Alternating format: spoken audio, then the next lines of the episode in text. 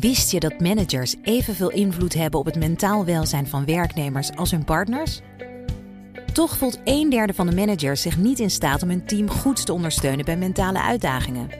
Via het Open Up platform geef je jouw managers de tools die ze nodig hebben om dit wel te doen. Zo zijn jouw teams beter bestand tegen de uitdagingen van het dagelijks leven, thuis en op het werk. Benieuwd wat we voor jouw managers kunnen betekenen? Ga naar openup.nl/slash bedrijven. Let's open up!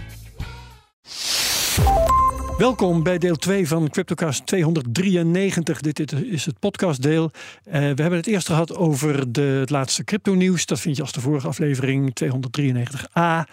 En nu gaan we het hebben over de rechtszaak tussen de Nederlandse cryptosector aan de ene kant en de Nederlandse bank aan de andere kant. Met Patrick van der Meijden, voormalig voorzitter van de Verenigde Bitcoinbedrijven Nederland. Welkom. Dankjewel. Je was ook al in A. Uh, maar dat geldt niet voor uh, mijn andere gast, Bert de Groot, oprichter van Bit Bitcoin Brabant je bent hier niet voor het eerst. En nu ben je omdat je ook de nieuwe voorzitter bent van de Verenigde Bitcoinbedrijven Nederland. Welkom. Dankjewel. Ja, voor we beginnen even dit. Dit programma wordt gesponsord door Bitfavo, de grootste en meest gewaardeerde crypto-exchange van Nederland, waar je makkelijk 200 verschillende digitale valuta kunt kopen, verkopen en bewaren. Mooi. En uh, eigenlijk maken we nu hier bekend, hè Bert, dat jij het bent, de nieuwe voorzitter van de VBNL. Ja, ik mocht het worden. Inderdaad. Ja, mocht het worden. dus uh, heel veel. Uh, heel veel uh, Hoe gaat zoiets? Leuk. Moet ja, je dan solliciteren of ja, word je aangezocht? Het was voor mij ook echt jaren geleden dat ik gesolliciteerd had. Dus ik, ik had een. ja, ik, ik, ik heb ingediend op, op een bericht dat ik zag dat de functie van Patrick vrijkwam. Patrick kende ik al. En um, blijkbaar was ik een van de 15 kandidaten die, uh, die had gereageerd. Dus uh, er zijn heel veel gesprekken gevoerd met, ja, het zijn natuurlijk best wel wat bedrijven. En uh, ja, voordat je het dan bent, ben je weer wat maandjes verder. Dus dat was ja. best een mooi, mooi traject om te doorlopen. En ook heel veel leuke mensen leren kennen in dat traject. Dus. Ja, Interessant. Waarom is Bert de ideale kandidaat, Patrick? Nou, ik ben niet bij die, uh, bij die selectieprocedure okay. En ik heb er bewust van uh, afzijde, afzijde gehouden. Ja, ik was. Ja, de, ik zag uh, een aantal bekende mensen solliciteren. Althans, die ik kende. Ja. En ik heb een aantal mensen gezegd van, oh, dit zijn wel serieuze Allemaal kandidaten. BB'ers, bekende bitcoiners. Ja, ja, ja. Uh, dus daarvan heb ik wel gezegd van, nou, daar moet je wel even serieus naar kijken. Maar dat, dat is het enige wat ik. Uh, en daarna heb ik, ik ben, ben ook niet betrokken geweest bij de gesprekken. Soms tot vervelend aan toe uh, neutraal gebleven bij de andere mensen die af en toe ook van mij input vroegen van, ja, maar hoe, hoe werkt dat dan? Dus ik moest af en toe toch wel even schakelen, ook met kandidaten die vragen hadden over wat de functie natuurlijk inhield. Dus dan, dan, dan ben ik wel weer bij geweest. Maar ik geloof niet dat ik Bert in die zin heb, heb gesproken. Nee, we hebben elkaar daarover helemaal niet gesproken. Nee. Inderdaad, omdat uh, ja, ik wist breed wel wat de functie inhield, omdat ik Patrick al wel kende. Ja. Maar uh, ja, we hebben verder geen contact erover gehad. Dus het was vooral leuk om uh, de bedrijven deels te leren kennen. Ja. ja. Ja, ik ben natuurlijk hartstikke blij dat, uh, ja, dat Bert uiteindelijk de keuze is geworden van, uh, van de leden om, uh, om hem. Uiteraard. dat zou je ook zeggen als het niet zo was. nou ja, dan zal ik het misschien iets genuanceerd Heel doen, gemeen.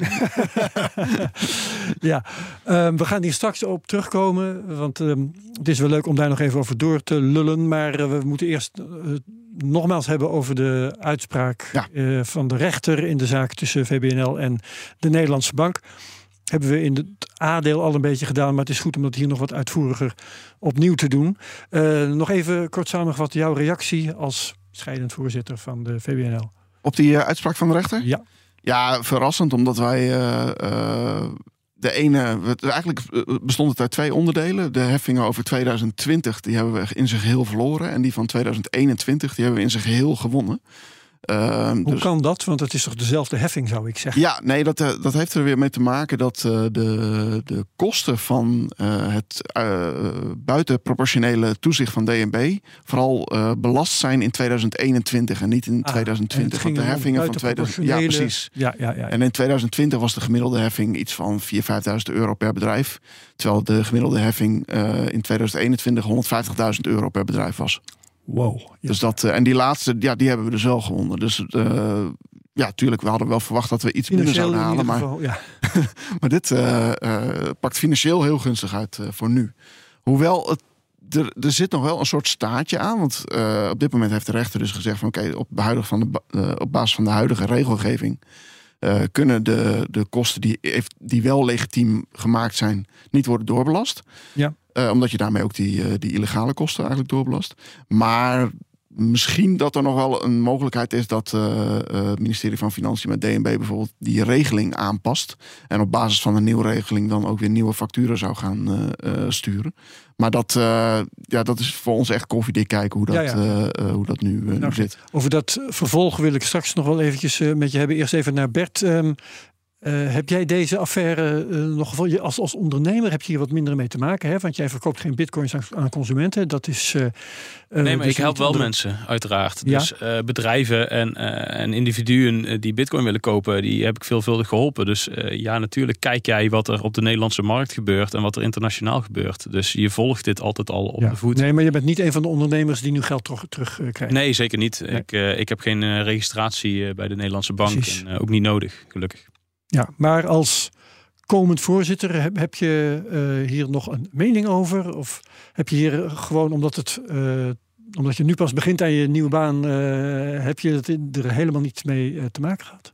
Ja, wat ik al zeg, ik heb het natuurlijk wel gevolgd. Alleen, ehm, kijk, ik heb, ik heb hier sowieso in het algemeen wat meer hoog over wel een mening over. En dat is wat Daniel in het radiodeel net al aanstipte. Is gewoon dat we zien dat Nederland vrij streng is in de regelgeving te streng dus blijkbaar. Ja. En uh, dat er dus bedrijven zijn vertrokken uit Nederland. Uh, en dat uh, er dus ook veel Nederlanders gebruik maken van, van partijen in het buitenland. ja, vanwege allerlei zaken die in Nederland niet echt helpen voor de sector.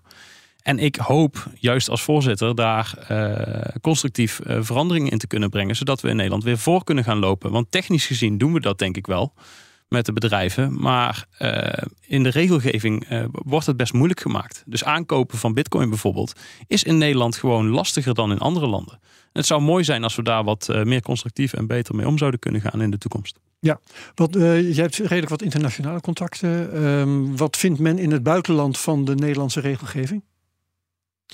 Ja, daar weet ik niet echt iets over okay. te zeggen. Dus Goed. Ik denk ehm, wel dat in het buitenland ook met veel interesse hiernaar gekeken wordt. Omdat ook in het buitenland uh, uh, het wel eens gebeurt dat er uh, eigenlijk iets meer is gedaan dan alleen maar een vergunningregime of een registratieregime uitvoeren. Dus ik kan me zo voorstellen dat daar ook wel met, met veel interesse gekeken wordt van oh, hoe wordt het eigenlijk in ons land gedaan. Je zegt er zijn meer landen waar ze een registratiesysteem plus hebben. Ja, of in ieder geval wat, wat meer dingen aan de poort vroeger dan sec noodzakelijk voor een. Uh, ja, welke landen zijn dat? Heb, dat heb ik zo niet scherp, maar nee, okay, uh, die zijn er, uh, die zijn er geheid. Ja, um, dit ging over de 2020, 2021. Ja. Er loopt nog een procedure over 2022. Ja, en Hoe liggen daar de kansen? Want je zou toch zeggen, de toezicht is hetzelfde in 2022, de regels zijn hetzelfde, dus dat gaan jullie ook winnen. ja, dat is eigenlijk onder de streep wel hoe wij erover denken. Ehm, Waarom is dat dan wel apart gehouden? Dat vind ik dan ook wel verrassend. Nou, omdat je, je, je moet per jaar moet je dan uh, dat bij de rechter uh, aandragen. Oh. En dan kun je dat later voegen dat, tot één zaak. Okay. Maar we hebben gewoon met DNB in goed overleg kun, afspraak kunnen maken dat we tot zes weken de tijd na deze uitspraak. de tijd nog hadden om onze bezwaren aan te vullen en dan weer de volgende stap te gaan nemen. Ja. Maar we hebben nu dus ook de vraag gesteld aan DNB van ja, is dat nog nodig of gaan jullie nog uh, de heffingen over 2022 aanpassen. Naar aanleiding van deze uh, uitspraak. Want ja, als wij nu doorgaan in dat traject en jullie passen ondertussen uh, hetgene aan waar wij bezwaar tegen maken, dan is dat allemaal een beetje ja, ja. zonde van iedereen's tijd. Dat precies. En dat zou dan wel. Um hoe zal ik dat nou zeggen?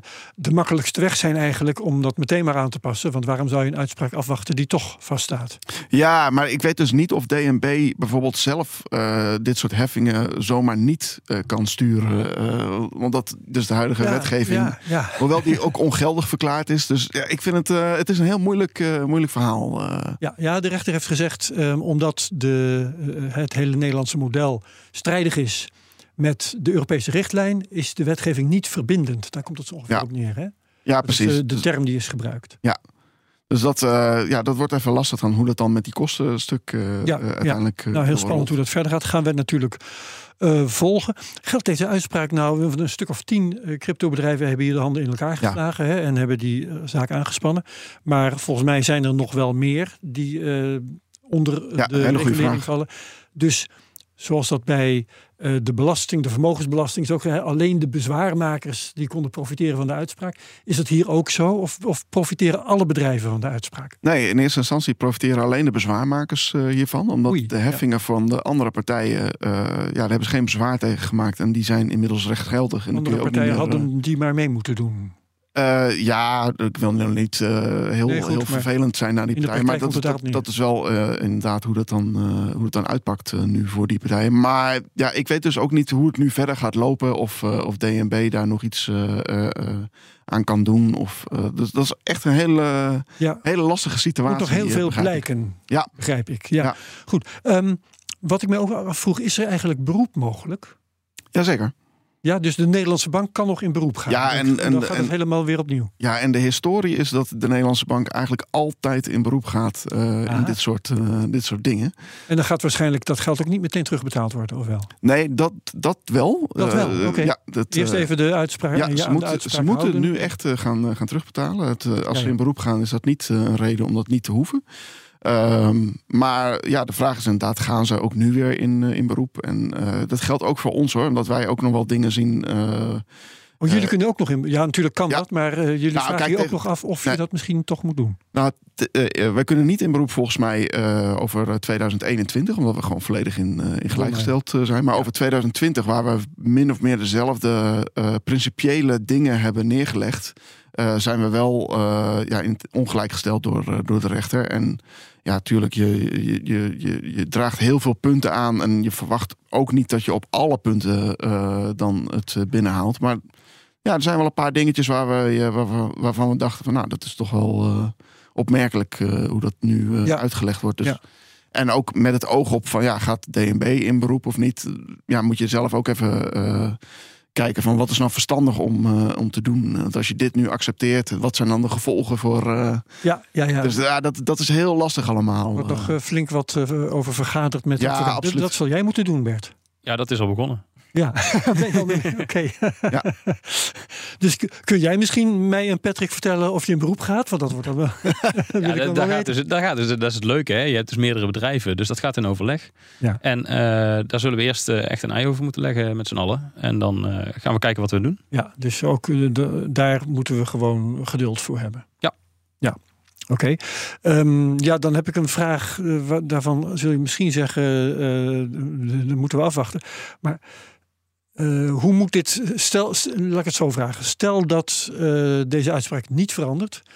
Um, moet de wetgeving dan veranderen? Wat, wat moet er precies uh, gedaan worden? Je, kunt wel zeggen, oké, wel of niet terugbetalen, wel of niet in beroep. En, maar als het, als het zo blijft, juridisch, moet de wet dan op de schop? Is, is dat waar het uiteindelijk op neerkomt? Ja, in principe is die al uh, nu afgekeurd uh, door, door de rechter en is die al niet meer geldig. Ja, dus DNB ja. moet hun huidige werkzame, hun huidige procedures met betrekking tot de registratie, moeten ze echt iets mee doen. Er, er is nu dus geen wet meer, geen, geen WWFT nou, in ieder geval niet. Die, uh, regime definieert. Nou, dat wel, maar niet op, op de punten waarop DNB uh, het, uh, het, het mogelijk zag om aan de poort allerlei moeilijke vragen te gaan stellen aan partijen die zich wilden registreren. Het deel dat in strijd is met ja. de Europese richtlijn. Precies, dat is gewoon dat echt. Is gewoon dat is, buiten, ja. ja, dan kun je dus verder met een wet waarin die artikelen gewoon geschrapt zijn. ja, uh, in principe zou dat, uh, zou dat kunnen. De, de, vraag, ja, en als DNB dan dat ook keurig netjes doet vanaf dat moment. Maar ja, dat, zelfs tot en met dit jaar hebben ze nog die oude werkwijze gehanteerd, zeg maar. Dus ze zullen nu ergens een, een omslagpunt zal, gemaakt zal worden. Dus dan heb je dat vanaf 2024 er ook geheel legitieme facturen gestuurd kunnen worden. Dus ja, tot en met 2023 heb je sowieso een, uh, een probleem met, met eh, de kosten die je in rekening kan brengen. Ja, ja. Uh, wat, wat, tevens interessant is, is natuurlijk dat WOP-verzoek, wat, uh, wat in die rechtszaak ook weer naar voren kwam, is van hoe is die wet tot stand gekomen? Hè, dat is nog wel een ja. interessant detail. Want ja. Daar heeft Simon Lelyveld in de CryptoCast heel veel over verteld. Want uh, dit, dit is echt wel een belangrijk punt. Hè? Uh, bepaalt het ministerie de wet of uh, zit de Nederlandse bank daar wat meer op de stoel? Dat is wel een heel interessant speelveld waar we, waar we in verkeren. Ja, nou, uit, uit die WOP-document is gebleken dat DNB een hele zware vinger in de pap had. Ja, en nu moet er natuurlijk dus eigenlijk opnieuw naar de tekentafel worden gegaan. En ja, hoe, hoe ziet dat er dan uit? Dus dat is interessant. Ja. Ja, en zijn jullie ook in gesprek, vraag ik nu aan Bert, met DNB zelf?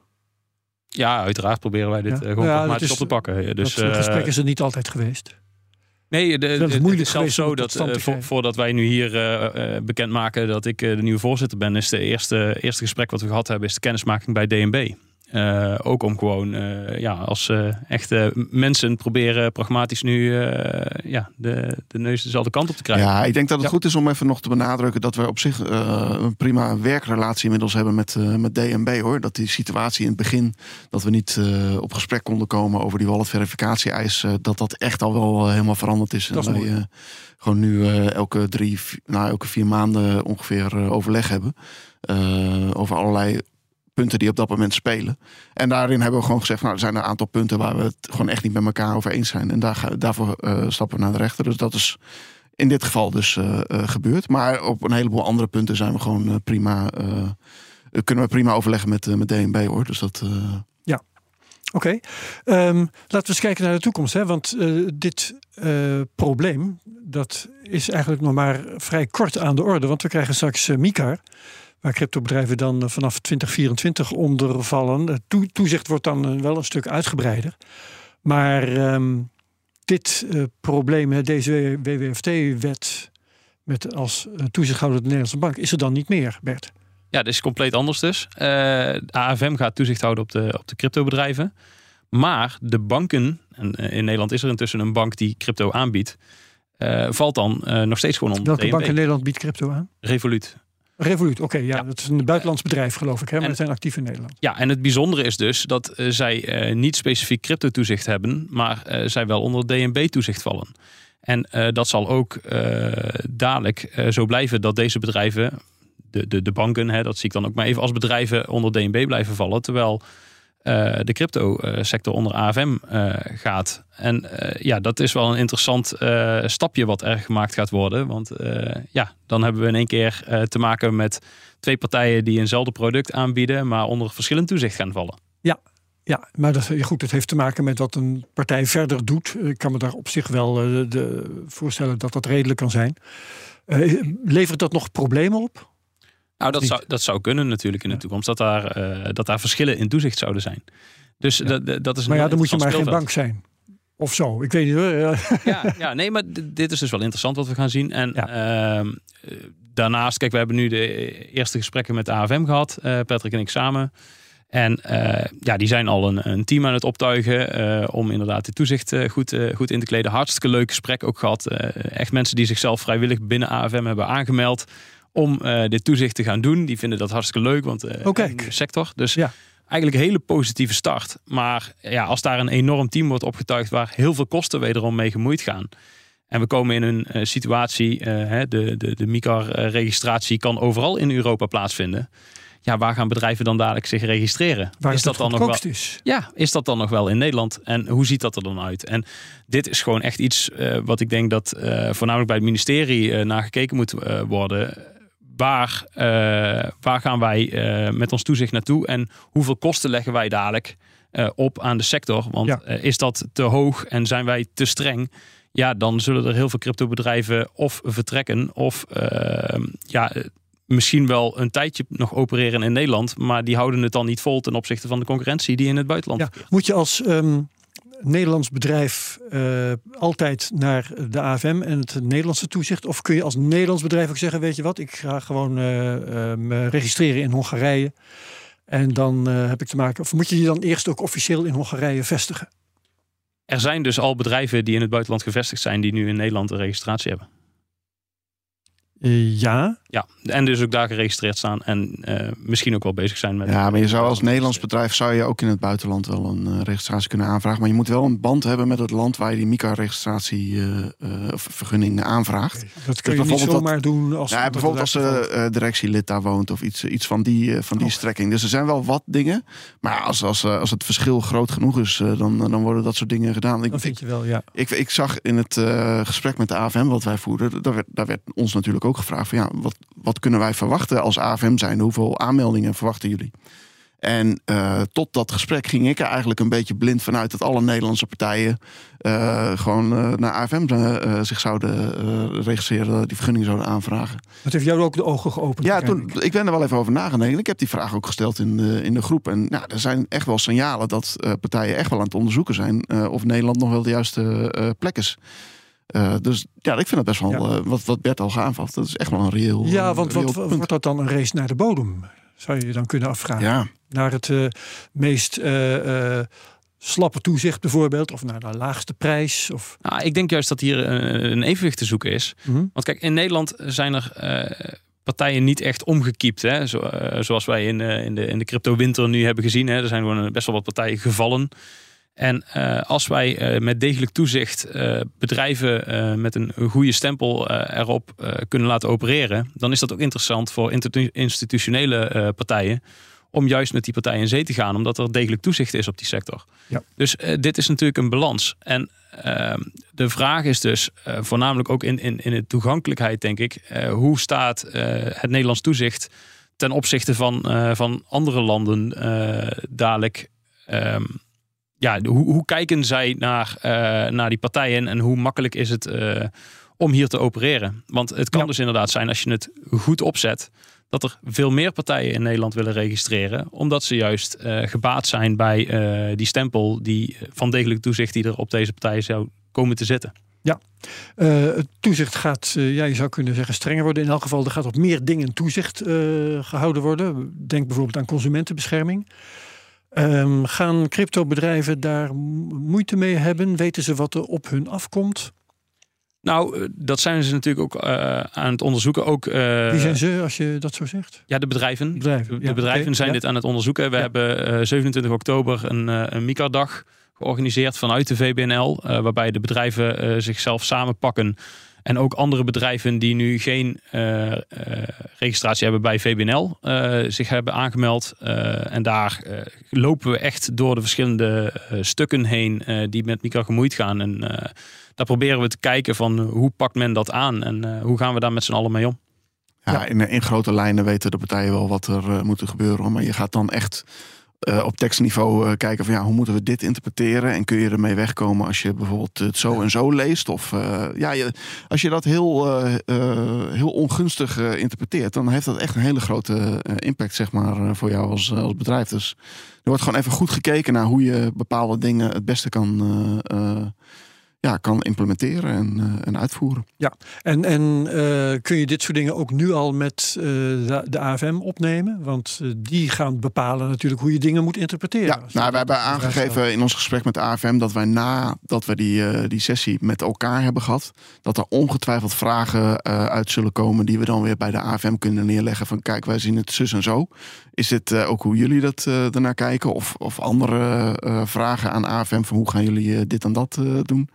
Dus de afspraak ligt er min of meer dat wij na die, uh, die sessie, uh, of dan naar Bert eigenlijk, uh, ja.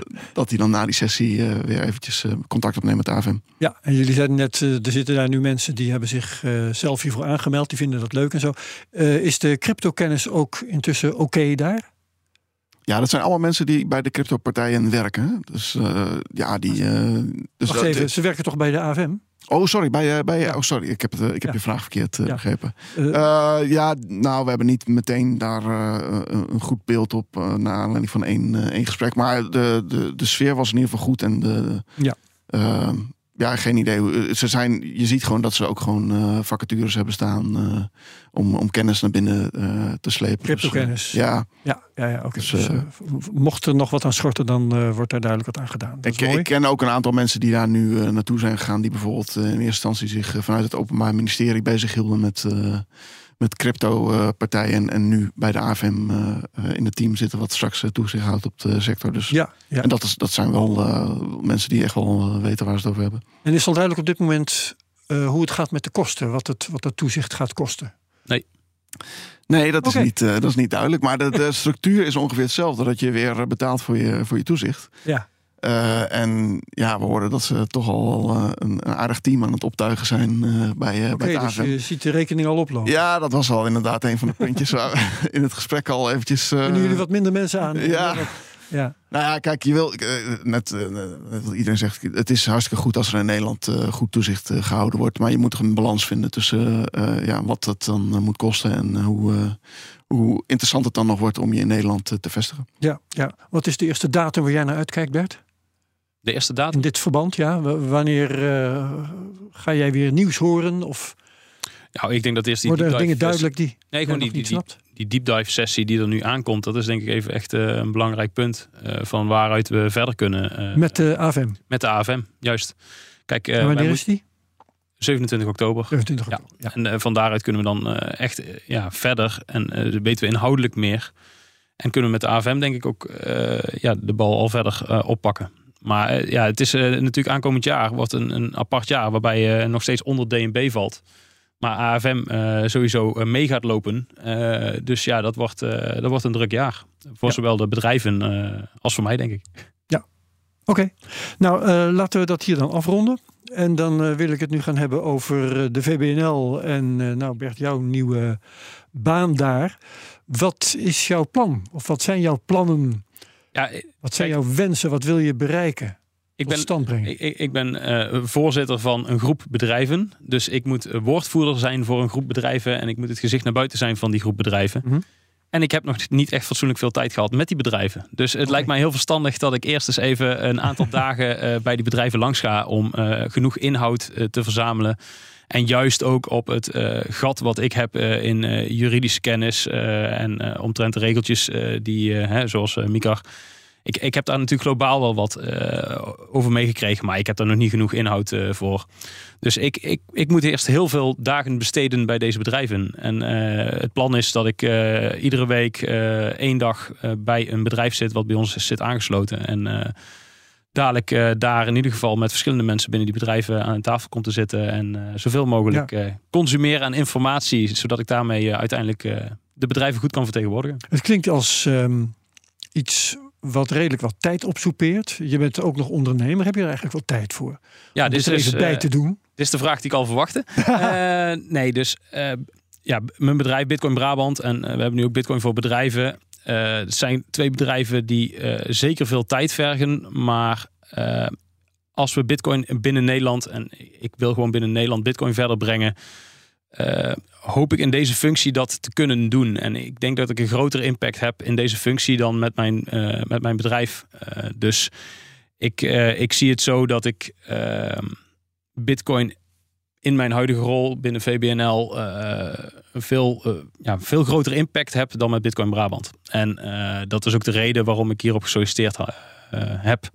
En uh, ja, daarnaast, kijk, het is hartstikke leuk, want uh, wij verkopen uh, op onze webshop best wel veel spulletjes.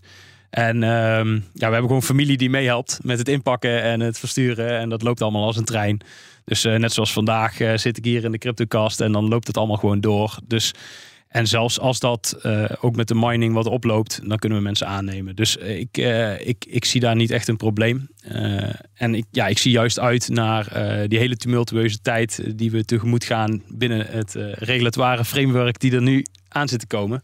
Waarbij ik ja. in ieder geval duidelijkheid kan geven, bijvoorbeeld hier in zo'n CryptoCast, over wat, wat er speelt.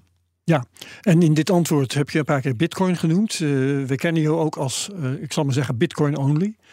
Uh, wat moeten bedrijven die zich uh, alleen of ook met altcoins bezighouden, wat moeten die daarvan denken? Ja, dat is dus leuk, want ik heb natuurlijk die gesprekken gehad. Uh, en dat was natuurlijk met cryptobedrijven. Hè? Ja, ja, ja. Dus, en hier hebben wij uitvoerig over gesproken. En uiteraard vertegenwoordig ik die bedrijven. Dus ik heb daarin in die zin wel af en toe twee petten, denk ik. Uh, de VBNL-pet is uh, echt het vertegenwoordigen van, die, uh, van de sector en de bedrijven. en ik ben natuurlijk persoonlijk ja, echt een bitcoin-maximalist. Ja, ja, en moet je je nou ook gaan bijspijkeren, niet alleen in de regelgeving juridisch, maar ook op het gebied van, van spreken, Cardano? Ik uh, heb het idee dat daar uh, weinig tijd voor is en uh, ook weinig inhoudelijk over gepraat wordt de komende jaren.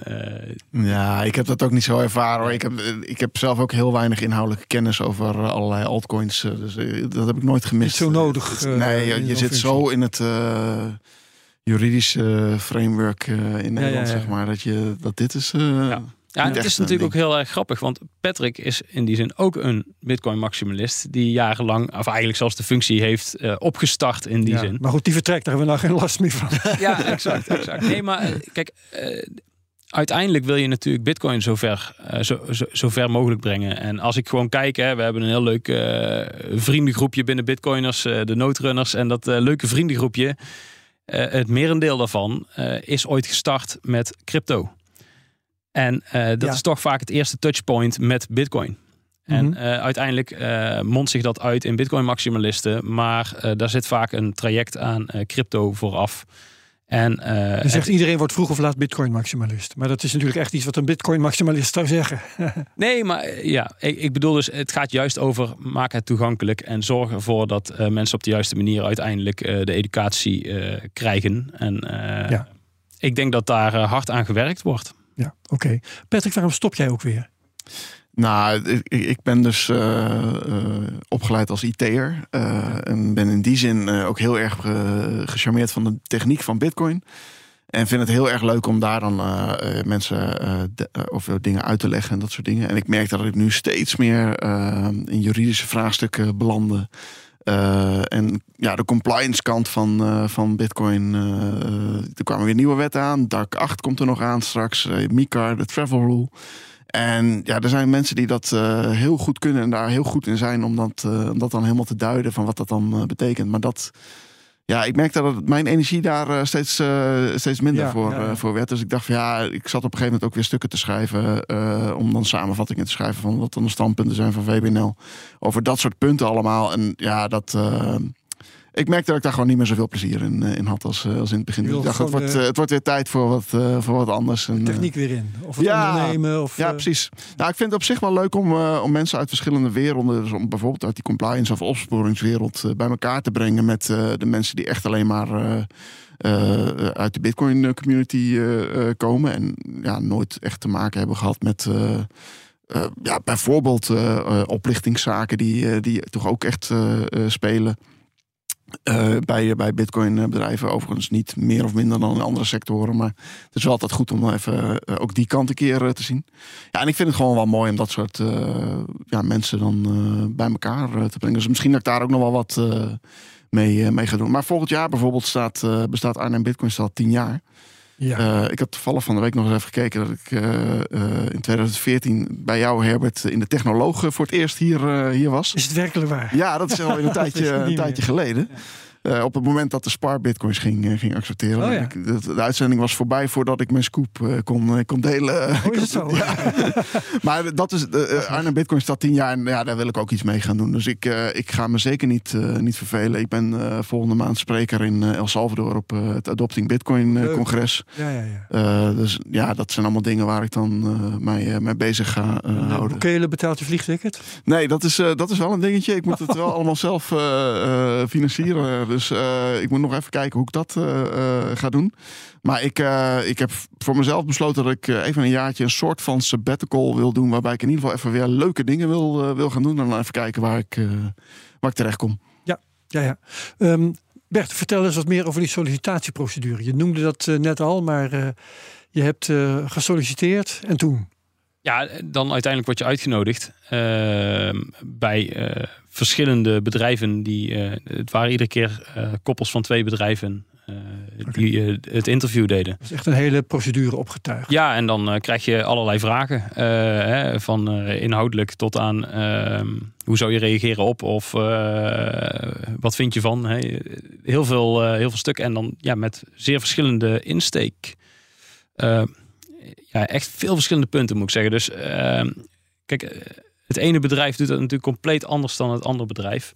En je zit ook echt met heel verschillende mensen aan tafel. Dus uh, ik heb echt met een aantal echte compliance uh, mensen gezeten. Maar ook met de CEO van een bedrijf. Dus uh, ja. je ziet dat dat heel verschillend wordt benaderd. Ja, en dat is het deel waarvan je er net zei. Het is leuk om meteen alvast wat mensen te leren kennen. Ja, zeker. Meteen geregeld. Ja.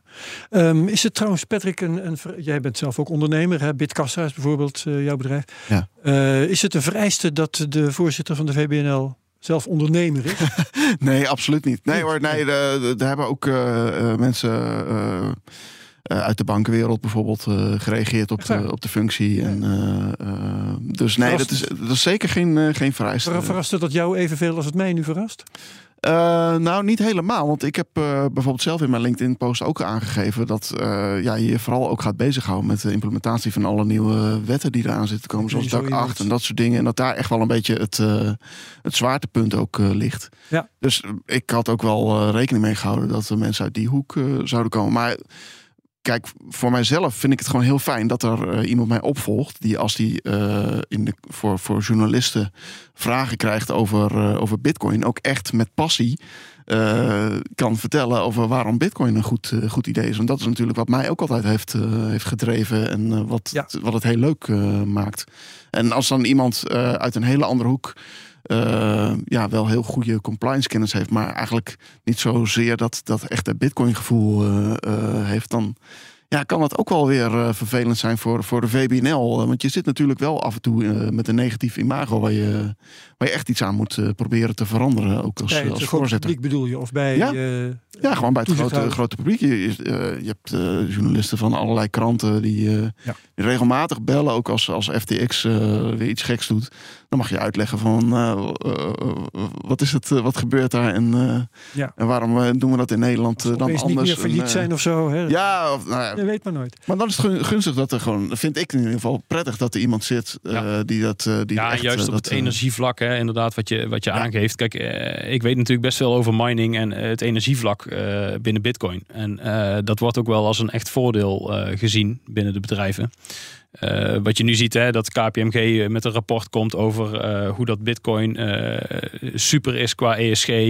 dat het dus echt. Environment, social en governance. governance ja. ja. dat het dus inderdaad een hele positieve impact heeft. En wat we vorige Cryptocast hier ook hebben besproken, is dat Bitcoin onderweg is naar positief voor het klimaat. Hè, met zijn energieverbruik. Ja. Juist alleen maar restenergie te gebruiken. Kijk, en dat doen we in Nederland natuurlijk ook al. Dus ik kan daar heel fysiek voorbeelden van noemen en laten zien. Wat denk ik misschien op dit moment nog wel een van de grootste uh, hurdles is voor mensen. Want die denken nog steeds dat het een grote energieverslindende ja. uh, bende is. de crypto criminaliteit. Ja. ja, en dat, dat is Bitcoin dus niet. En uh, dat kan ik vrij makkelijk laten zien. Ja. Ja, um, wat ik van jullie allebei wil weten, ik begin even bij jou Patrick. Hoe, hoe staat de Nederlandse, en dan kan Bert erover nadenken, hoe staat de Nederlandse cryptosector ervoor eigenlijk op dit moment? Hoe beoordeel jij dat? Um, ja, lastig. Omdat op zich, we hebben hele mooie uh, bedrijven in, uh, in Nederland. Dus daar, daar, daar, kun je als Nederland best wel, wel trots op, op staan. Of op zijn. Maar de vraag is eventjes hoe dat dan uitpakt in de, in de toekomst. met, ja, vooral dus in, in verband met de kosten van, van regelgeving in Nederland ten opzichte van, van andere landen. Zeg eigenlijk dat zou wel eens te veel kunnen zijn voor sommige bedrijven. Ja, dus dat, dat, is, uh, dat is denk ik uh, één puntje. Maar uh, ja, als je gewoon nog even iets verder kijkt. Uh, en kijk naar wat Bitcoin betekent in Nederland. Dan zijn er toch gewoon mensen die voornamelijk speculeren met, met Bitcoin. in de hoop dat daar meer euro's mee verdiend mm. worden. Terwijl als je het, gewoon kijkt naar bijvoorbeeld het Adopting Bitcoin congres. waar ik dan in El Salvador naartoe ga. Ja, daar komen mensen uit alle windhoeken van de wereld. vaak minder welvarende landen. Waar voor wie Bitcoin echt uh, een verschil kan maken tussen het vrij kunnen leven of gewoon een, in een onderdrukt regime bijvoorbeeld zitten. Of ja. met enorme inflaties te maken hebben. Maar dat is iets buiten het waar hoor, maar buiten bestek van mijn vraag. Want de ja, Nederlandse okay. crypto sector. Ik, ja op wat je net zei, moest ik meteen denken aan wat Mark van der Scheijs hier eh, in de CryptoCast wel eens gezegd heeft. Dan moet je maar over de kosten van, van toezicht en dat, dat dat wel eens te veel zou kunnen zijn. Dan moet je maar geen marginaal bedrijf zijn. Ja, nou goed, dat, uh, dat, dat nodigt natuurlijk niet echt uit om start-ups in Nederland dan uh, te beginnen. En ik weet niet of dat ja. uh, nou een goed idee is. Dus ik, Waarmee jij dus in wezen zegt dat toezicht, hè, als dat zo duur is enzovoort, dat is slecht voor de innovatie. Ja, tuurlijk. Ja, absoluut. Nee, dat, uh, dat ben ik vrij uitgesproken over, ja. ja. Moet je dan, uh, om eens even creatief te zijn, hè, moet je voor kleine bedrijven een soort vrijstelling regelen, van de kosten dan tenminste? Uh, nee, nou kijk, het is even genuanceerd trouwens, is het er wel zo dat um, de kosten voor kleine bedrijven nu ook uh, proportioneel op basis van hun, hun omzet, worden, worden gedaan. Ja, dan maar dan nog, wel meer, ja, toch? Maar dan nog is het in het buitenland natuurlijk, waar je dat niet hebt, is het wel aantrekkelijker. in het buitenland heb je ook toezicht, maar heb je dan een andere kostenstructuur? Ja, die is doorgaans veel lager dan, dan in Nederland. Dus dat, dat hou je dan toch. Oké, nou Bert, hoe staat volgens jou de cryptosector ervoor hier? Ja, ik kijk dan vooral uh, naar uh, toegankelijkheid. Dus uh, hè, als je mensen helpt of bedrijven helpt om bitcoin aan te kopen, hoe ziet dat er dan uit? En je moet in Nederland gewoon door heel wat hoepeltjes springen al om bitcoin te kopen. Terwijl dat bij buitenlandse bedrijven veel makkelijker is. Daar kun je gewoon eurotjes overmaken naar een bankrekening. En dan krijg jij in je self-custodial wallet gewoon meteen de bitcoin gestort. Ja. Ja, dat wij dat in Nederland niet doen, uh, zorgt gewoon dat er heel veel uh, geld vertrekt naar het buitenland. En dat is jammer, want je mist dus alle data, je mist het toezicht. Uh... Is dat iets wat rechtgebreid gaat worden nu met die rechterlijke uitspraak tegen DNB? Ehm, ik denk niet dat daar directe impact op zit. Nee? Nee, lijkt mij niet. Ik was even in gedachten ergens anders. Ik heb oh. niet helemaal.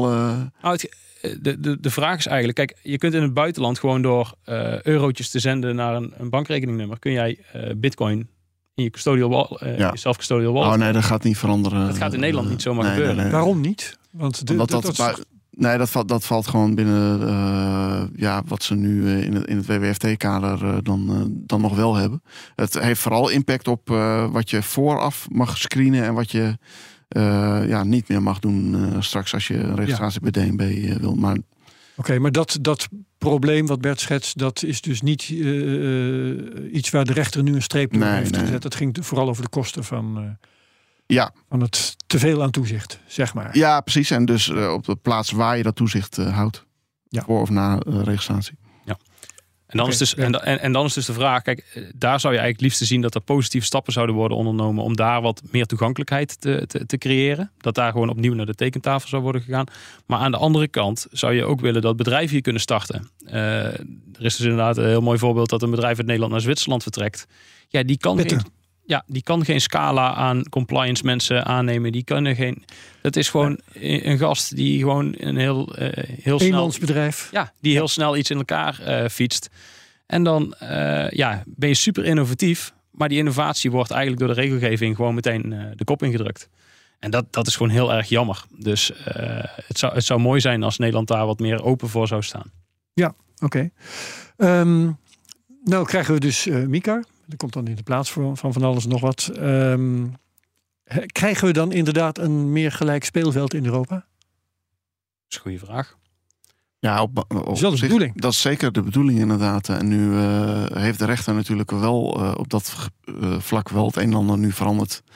Uh, van uh, wat er nu al scheef ging in, in Nederland. Ja, maar hij heeft niks veranderd wat op Mika slaat. Hè? Want dat nee, dat klopt. Niet. Nee, dus dat, dat in eerste instantie blijft dat dan gewoon. Uh, ja, qua regels is het nu in ieder geval gelijk. De kosten dus niet. Maar de, de, regelgeving. Ja, dus, ook bij Mika zal elk land zijn eigen kostenstructuur. Ja. Blijven hebben. Ja, de AFM die blijft gewoon alle kosten die ze maken doorbelasten aan de onder. Oké, dus in die zin wordt dat speelveld helemaal niet gelijk. Nee. Dat is vervelend. Maar goed, dus, we ja, weer een mooi onderwerp voor toekomstige CryptoCast en misschien maar het zou, Het zou gek zijn als er, als er in de uitvoering van die regels nog, uh, nog verschillen ontstaan. Dat zou in principe niet, uh, ja. niet moeten kunnen. Nee. Kun je tegen uh, zo'n kostenstructuur geen juridisch bezwaar maken? Zo van wij willen gelijk ja, behandeld dat, worden nou ja, als... Dat, precies, dat is hetgene wat wij ook gedaan hebben. En waarvan de rechter op een paar punten dus heeft gezegd van ja, dat zien we dan toch, toch anders. Aha, maar dat, ja, daarvan overwegen we dus nog echt wel om, om te kijken of we daar nog in hoger beroep moeten gaan. Juist met het oog op de toekomst ook. Dus dat, uh, dat is een van de punten die nog wel uh, speelt. Ja, want we hadden het net ook over dat je uh, onder MICAR kun je misschien je registreren op een plek waar, dat, waar, waar het makkelijker is, waar je minder weerstand ondervindt. Ja. Um, krijgen Nederlandse bedrijven een, nu meer kans om Europa te veroveren? Bijvoorbeeld Bitfavo, dat heel duidelijk die ambitie heeft. Ah, die kansen liggen er dus ook. En dat is eigenlijk het mooie van dat het nu breed getrokken wordt. Je, kunt, uh, je bent op één plek geregistreerd en uh, de rest kun je paspoorten voor aanvragen, de andere landen. En de vraag is dus ook van hoe gaat dat inderdaad in die kostenstructuur er dan uitzien? Uh, moet je voor die paspoorten betalen? Zo ja, hoeveel dan per land? Ehm, wat is daar dan de regelgeving daaromtrent exact? Ja, kijk, op dit moment is het bijvoorbeeld zo dat als je in Nederland gevestigd bent dan, en je maakt omzet in het buitenland, dan wordt gewoon alle omzet wordt, uh, meegeteld bij uh, welk deel van de kosten jij voor je, voor je kiezen krijgt. Dus niet alleen wat je in Nederland aan omzet hebt, maar ook in het buitenland. Terwijl een buitenlandse partij die in Nederland geregistreerd is, alleen de kosten betaalt over in Nederland. Uh, oh, wauw. Dus dat, dat is al een scheef, scheef iets waar wel, wel even op gelet moet worden hoe dat dan, hoe dat dan straks uitpakt. Dus dat, ja, dat zijn wel, wel aandachtspunten. Ja, ja, ja oké, spannende dingen. Um, de bear market, jongens. Uh, hoeveel last hebben we in Nederland van de bear market, Bert? Um, ja. Staat die eigenlijk nog? Zitten we nog in de bear market? Een uh, ja, vraag op zichzelf. Ja, ja. Nee, ik denk, ik denk dat er niks van. Ik, ja, nee, ik denk, ik denk niet dat het. Eh, men noemt het een lange bearmarkt, maar uh, ja, we zijn ten opzichte van, uh, van het begin van het jaar uh, in, in eurowaarde flink omhoog gegaan. En ik denk wat Bert Slachter net aangaf over de hashrate. Uh, er is een uh, heel bekend bitcoiner uh, van wat langer geleden die ooit zei... je hoeft enkel te kijken naar de energie die er gepaard gaat met bitcoin. En dan zie je dat het de sterkste munt is ter wereld. en ehm, dat is denk ik wel een belangrijk punt. We zien gewoon dat die rekenkracht omhoog blijft gaan. Ja. We zien dat het netwerk nog nooit zo sterk is geweest. Eh, je ziet zeer veel mooie ontwikkelingen. Uh, dus ik, uh, ik, ik denk dat we die bearmarkt eigenlijk al voorbij zijn. Maar ik denk dat we vanwege futures nog best wel wat onderdrukking hebben van de prijs. Maar dan, zit je, in een, ja, dan zit je in een helikopter heel hoog boven de markt. als je kijkt naar Nederlandse bitcoinbedrijven, Nederlandse cryptobedrijven, pardon. Um, heb, je een, heb je een beeld van hoe die ervoor staan, zo gemiddeld? Um, ik heb een globaal beeld, wat ik natuurlijk wel uh, een beetje heb mogen horen uh, met de gesprekken. En uh, ja, als we dus te veel kosten voor onze kiezen krijgen, zal het in Nederland uh, steeds moeilijker worden voor een aantal bedrijven. Zeker. Ja. Is dat ook jouw beeld, Patrick? Ja, dat is zeker wel een van de. Ja, die kosten, die, dat is ook een van de punten waarom Lightbit in Nederland ermee mee stopt. Hè? Dus dat, uh, ja, het laatste slachtoffer, hè, geloof ik. Ja, precies. Nou, en, het is gewoon. Uh, er zijn wel meerdere partijen in Nederland die echt, echt eventjes nu op de, op de kleintjes aan het letten zijn, of op de centjes aan het letten zijn qua uitgaven. Dat, dat merk je wel. Ja, ja, ja. Hoe gaat het nu verder met de positie van Coinbase in Nederland? Ze hebben nu een registratie. Ja. Ze hebben heel lang de Nederlandse markt kunnen bewerken zonder die registratie te hebben, dus met een soort van concurrentievoordeel. Um, is Coinbase nu uh, one of the guys? Of is Coinbase nu nog steeds een paria? Wat, wat, hoe kijken jullie tegen Coinbase aan? Nou, kijk, wij, wij zijn natuurlijk een vereniging van Nederlandse Bitcoinbedrijven. Dat okay, zit zelfs in de naam. Maar we gaan nu uh, de statuten aanpassen dat ook buitenlandse partijen die actief zijn op de Nederlandse markt zich kunnen aanmelden bij, uh, bij de VBNL. En zou Coinbase dat worden? Hebben ze al contact opgenomen? Uh, we hebben wel contacten met, uh, met, met Coinbase. Ik heb, ze, ze, zijn bijvoorbeeld ook uitgenodigd om op 27 oktober bij die MICA-dag uh, aanwezig te zijn. Ja. Ehm, maar ik weet niet of ze ook interesse hebben in, in de lidmaatschap. Maar daar, daar zullen ze zeker, daar zal Bert waarschijnlijk ze zeker nog, nog proberen. Ja, en ik heb ze in overleg natuurlijk al, al ja. gezien. Dus uh, je ziet ze wel met anderen overleggen, met onder andere banken waarbij we in overleggen zitten. Dus uh, je ziet ze al dat ze aansluiten. En uh, kijk, wij nemen nu inderdaad die stap dat we met VBNL uh, ook Engels uh, wat meer naar voren gaan brengen. ook ja, vanwege MICAR, dat, dat gaat voornamelijk Engels zijn. Zie je ook dat er bij bedrijven Engelstalige compliance mensen binnentreden. ja, het zal allemaal wat meer Engels worden. En dat betekent dus ook dat we ons open gaan stellen voor, voor bedrijven ja, die uit het buitenland komen. Ja, maar Coinbase uh, nou, uh, zit nu nog steeds op een dik stuk marktaandeel dat ze hebben kunnen meenemen. Uh, dankzij het feit dat ze geen last hadden van registratie en kosten en andere beperkingen die daarmee te maken hadden. ja, nemen jullie dat verder maar voor lief? Accepteren jullie dat? Of ja, ik denk dat dat hebben jullie daar nog is om daar last van? Ja, nou kijk, dat, hoe dat is gegaan is natuurlijk zeker niet, niet fraai. Hm? Dat, uh, dat uh, is absoluut een punt. En dat is niet alleen Coinbase zelf die daar uh, mee te maken heeft, maar ook hoe, hoe daarop gehandhaafd is, zeg maar. Hm? Maar ja, op een gegeven moment moet je gewoon met elkaar verder. En Coinbase en de, en de, de Nederlandse partijen hebben ook gezamenlijke belangen. En in het kader van VBNL kijk je dan toch ook naar die kant van het verhaal. En is het soms gewoon wel handig om dan uh, te zeggen van nou.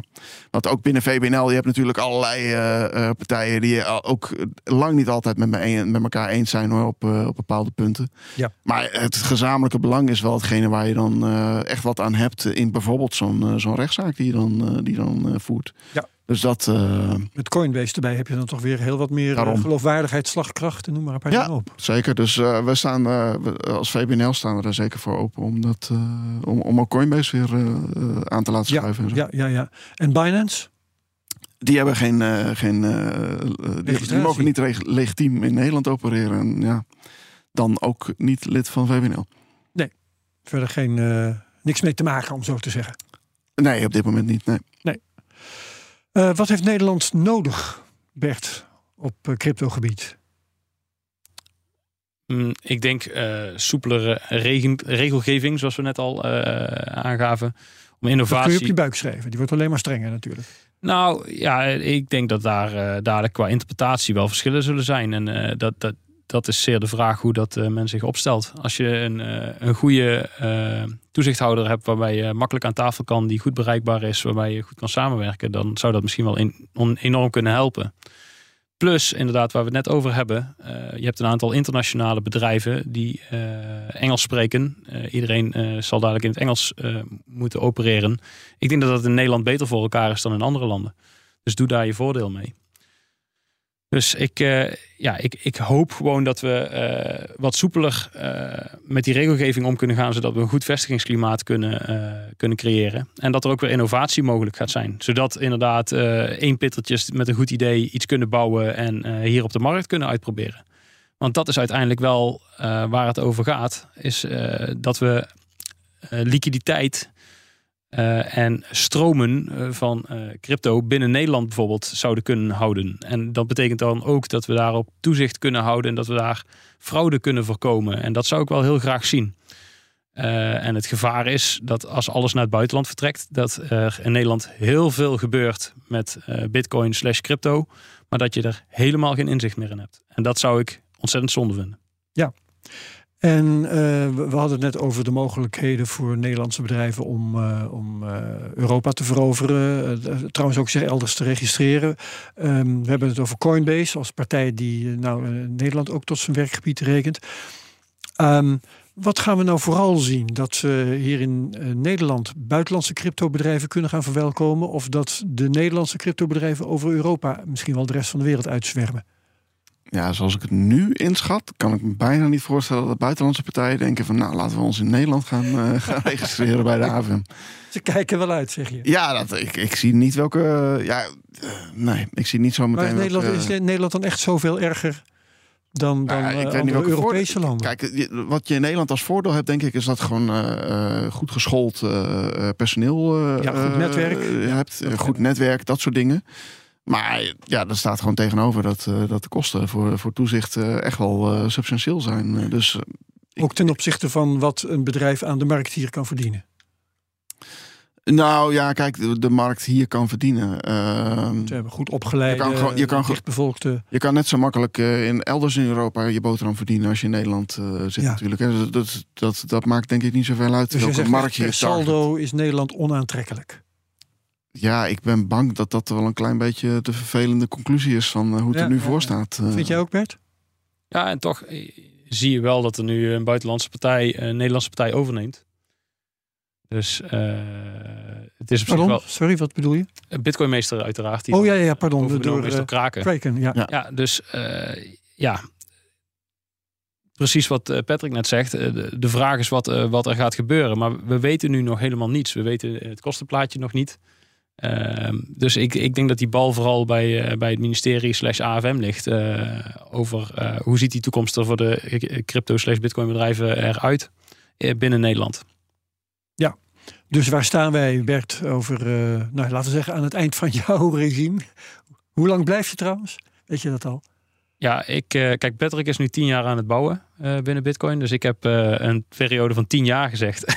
Oké, ja. En ehm, in de dat aankomende eeuwigheid. In ja, dat zou je kunnen zeggen. Maar uh, ik hoop in de aankomende tien jaar dus te zien dat, uh, ja, dat wij echt uh, steeds verder ehm, richting een, een Bitcoin-standaard gaan in Nederland. Want waar we nu in zitten is niet goed voor, voor Nederland. Wij komen als Nederlanders uit een een gulden die uh, vrij sterk was, zal ik het mhm. zo zeggen. Hè? We hebben altijd weinig inflatie gekend en uh, waren een van de sterkste munten ter wereld. Nou, in de jaren zeventig was het even lastig hoor. Klopt, maar dat was wereldwijd. Dat zie je natuurlijk nu ook. Uh, maar het was relatief, hè, dus ten opzichte van de dollar, dus een van de sterkste munten, was het soms zelfs beter.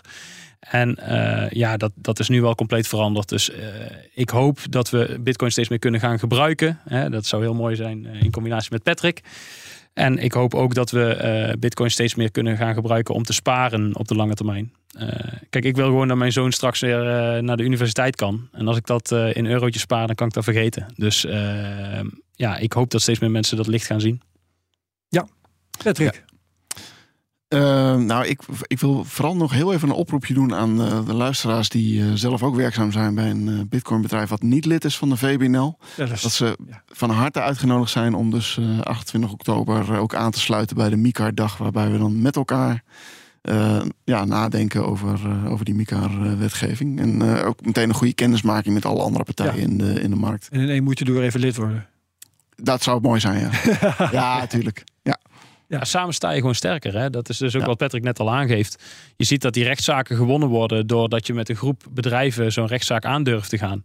Als, als individueel bedrijf is het veel moeilijker om, uh, om tegen zo'n uh, sterke overheid uh, een rechtszaak aan te gaan. En daar plukken we nu dus met z'n allen de vruchten van. Dus... Duidelijk. laatste ronde, Patrick. Ja, ik heb eigenlijk niet zo gek veel meer met toe te voegen. Dankjewel. Laatste ronde, Bert. Ook niet. Mooi zo. Nou, dan dank ik jullie hartelijk voor jullie aanwezigheid hier, voor jullie verhaal. Wel, ik had hier de scheidend voorzitter van de VBNL, Patrick van der Meijden. Ik had de nieuwe voorzitter, Bert de Groot. Allebei hartelijk dank. Dus tot zover deze CryptoCast. Vergeet me niet te delen met je volgers op Twitter. Dan kunnen die ook met uh, Patrick en uh, Bert kennis maken. Of uh, van Patrick afscheid nemen. Met Bert kennis maken. Uh, gebruik de mention at CryptoCast.nl. Laat reviews achter op Apple Podcasts. Dat is ook mooi. En like, subscribe en comment op YouTube. En voor de rest dankjewel allemaal. En tot volgende week bij de CryptoCast. Dag.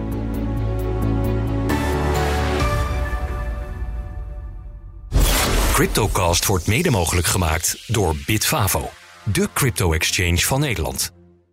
Wist je dat 35% van het totale verzuim op het werk komt door uitdagingen rondom mentaal welzijn? Met de psychologen en lifestyle-experts van OpenUp werken jouw werknemers online via één op één sessies, groepsgesprekken of cursussen aan hun weerbaarheid. Zo zijn jouw teams beter bestand tegen de uitdagingen van het dagelijks leven, thuis en op het werk. Verhoog net als Decathlon, KPN en HelloFresh de weerbaarheid van je werknemers. Ga naar openup.nl/slash bedrijven. Let's open up!